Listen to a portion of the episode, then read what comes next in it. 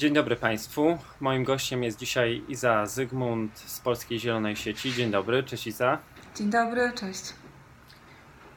O sprawiedliwej transformacji w Polsce mówi się, że są to albo duże, albo małe pieniądze.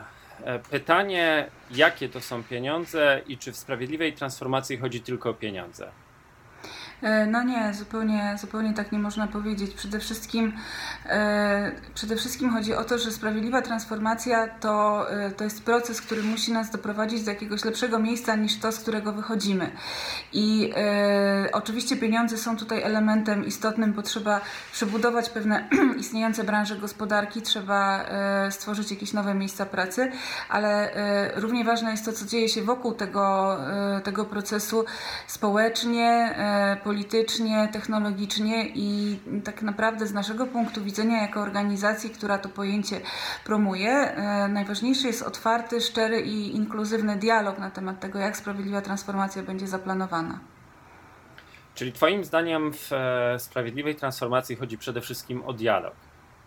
O jest niezbędny, jest niezbędny dialog i e, druga e, równie istotna rzecz, która z tego dialogu wynika, to jest jasny plan tego, jak ma wyglądać ten proces. To znaczy nie będzie nigdy sprawiedliwej transformacji tam, gdzie e, sprawy są puszczone na żywioł, gdzie e, zostawiamy pewne procesy ich własnej dynamice, gdzie nie ma jasności dla, czy to dla decydentów politycznych, czy dla e, samorządów, czy przede wszystkim dla pracowników w sprawie tego, co będzie się działo za rok, za 3 lata, za 5 lat i za 10 lat, bo bez, bez tej wiedzy, bez jasnego planu i harmonogramu ciężko jest wybrać optymalne rozwiązania i po prostu najlepiej jak to możliwe zaplanować e, swoją drogę dojścia do tego miejsca, gdzie chcemy się znaleźć, czyli do em, takich, e, powiedzmy, do takiego stanu, w którym regiony obecnie e, uzależnione w jakimś mniejszym czy większym stopniu od wydobycia i spalania węgla będą od tej zależności uwolnione, a jednocześnie nie będą, e, nie znajdą się w sytuacji jakiejś gospodarczej zapaści, tak jak to bywało w przeszłości. To odpowiedzieliśmy sobie, czym jest sprawiedliwa transformacja. Teraz pytanie o pieniądze, bo niektórzy mówią, że to jest dużo, niektórzy mówią, że to jest mało. W ogóle skąd te pieniądze pochodzą? E, Najważniejszym źródłem finansowania sprawiedliwej transformacji w Polsce mm, oczywiście e, będą środki unijne.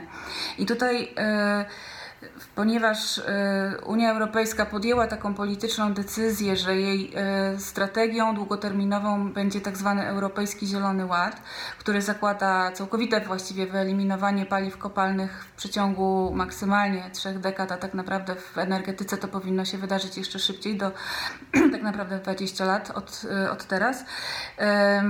To się oczywiście wiąże z dużymi, z dużymi zmianami, potencjalnie z jakimiś wstrząsami gospodarczymi i po to, żeby im zapobiec, żeby, żeby złagodzić skutki tego procesu, e, w przyszłym budżecie unijnym przewidziano tak zwany mechanizm sprawiedliwej transformacji. I e, to jest e, taki zestaw narzędzi, które mają pozwolić ten, tę transformację sfinansować. W Polsce największą, najwięcej uwagi przyciągał tak zwany Fundusz Sprawiedliwej Transformacji. To jest kolejny nowy fundusz unijny. Znamy dobrze jakby te fundusze, z którymi mamy do czynienia już trzecią teraz perspektywę finansową.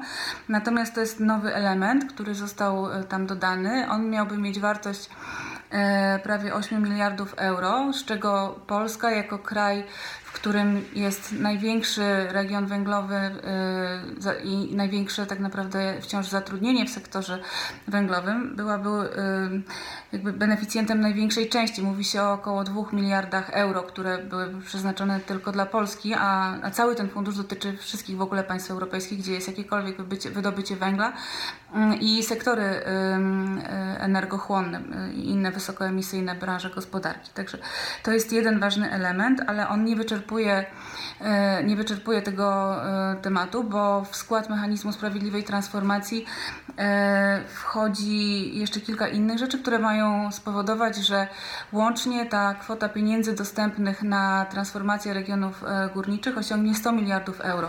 I tutaj e, oprócz Funduszu Sprawiedliwej Transformacji, który może też być wzmacniany e, jakimiś przesunięciami środków z innych funduszy unijnych, będziemy mieli e, również gwarancje finansowe z y, mechanizmu Invest EU, czyli to jest taki mechanizm wspierania inwestycji. Y, Unia Europejska gwarantuje pewne inwestycje, dzięki czemu one są mniej ryzykowne i tym chętniej inwestorzy ich dokonują. A trzecim filarem e, mechanizmu sprawiedliwej transformacji są e, preferencyjne pożyczki na ten cel z Europejskiego Banku Inwestycyjnego. I łącznie, łącznie te trzy źródła mają wygenerować 100 miliardów euro e, na transformację regionów uzależnionych od paliw kopalnych. To jest bardzo ciekawe to, co powiedziałaś, bo z jednej strony mamy do czynienia z naprawdę dużymi pieniędzmi, a z drugiej strony, żeby sprawiedliwa transformacja się udała, potrzebny jest dialog i plan i teraz jakie z tego wnioski dla takich regionów jak ten region, z którego pochodzę, czyli województwo śląskie? E, no, wnioski są takie, że mm, trzeba zdać sobie sprawę, na jakim jesteśmy teraz etapie. E, jest e, w tej chwili, e, właściwie zbliża się do, do końca, czy wchodzi w kluczową fazę, powiedzmy, proces negocjowania przyszłego budżetu unijnego i ostateczny kształt tych mechanizmów, o których mówiłam. I żeby z nich skorzystać, trzeba mieć po prostu plan, trzeba mieć pomysł, na co te, na co te pieniądze powinny zostać wydane. To zresztą jest w ogóle wprost zapisane w rozporządzeniu o Funduszu Sprawiedliwej Transformacji, żeby sięgnąć sięgnąć po te pieniądze, dany region czy dane państwo musi przedstawić plan, e, na co chce ich użyć. I te plany powinny już teraz powstawać. W związku z tym to, co powinno się wydarzyć, to tak naprawdę e, rozpoczęcie w tej chwili szerokiego dialogu na temat tego, jak Śląsk i pozostałe regiony węglowe w Polsce chciałyby z tych pieniędzy skorzystać. I musi to być proces otwarty. Tak jak powiedziałam, sprawiedliwą transformację bardzo trudno jest zaplanować dobrze, kiedy wysłuchuje się głosu tylko jakby wybranych czy nielicznych e, podmiotów czy interesariuszy, a innych e, pozostawia się poza tym procesem decyzyjnym. Dlatego ja wyobrażałabym to sobie teraz w ten sposób, że powinny, tak jak to się zresztą odbywa bardzo często w Europie, powinny się e, odbyć otwarte konsultacje i to nie tylko takie konsultacje w postaci formularza na stronie internetowej, ale raczej w formie serii spotkań, gdzie można by było porozmawiać na temat tego, jak te pieniądze najlepiej wydać i porozmawiać dopuszczając do głosu wszystkich, którzy mają coś na ten temat e, do powiedzenia.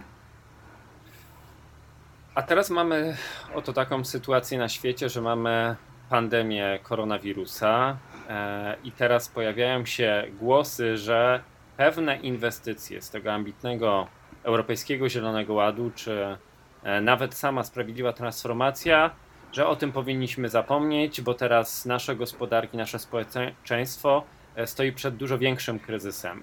Jak uważasz, czy koronawirus wpłynie i jak wpłynie na te pieniądze, które są zarezerwowane dla Polski? Mhm. E, znaczy ja się fundamentalnie nie zgadzam z pomysłem, że, e, że teraz mamy ważniejsze, ważniejsze wydatki niż, e, mm, niż zrealizowanie Europejskiego Zielonego Ładu, dlatego że miejmy świadomość, że pandemia koronawirusa to jest sytuacja, z którą mamy do czynienia teraz i z którą sobie prawdopodobnie w ciągu kilku miesięcy poradzimy.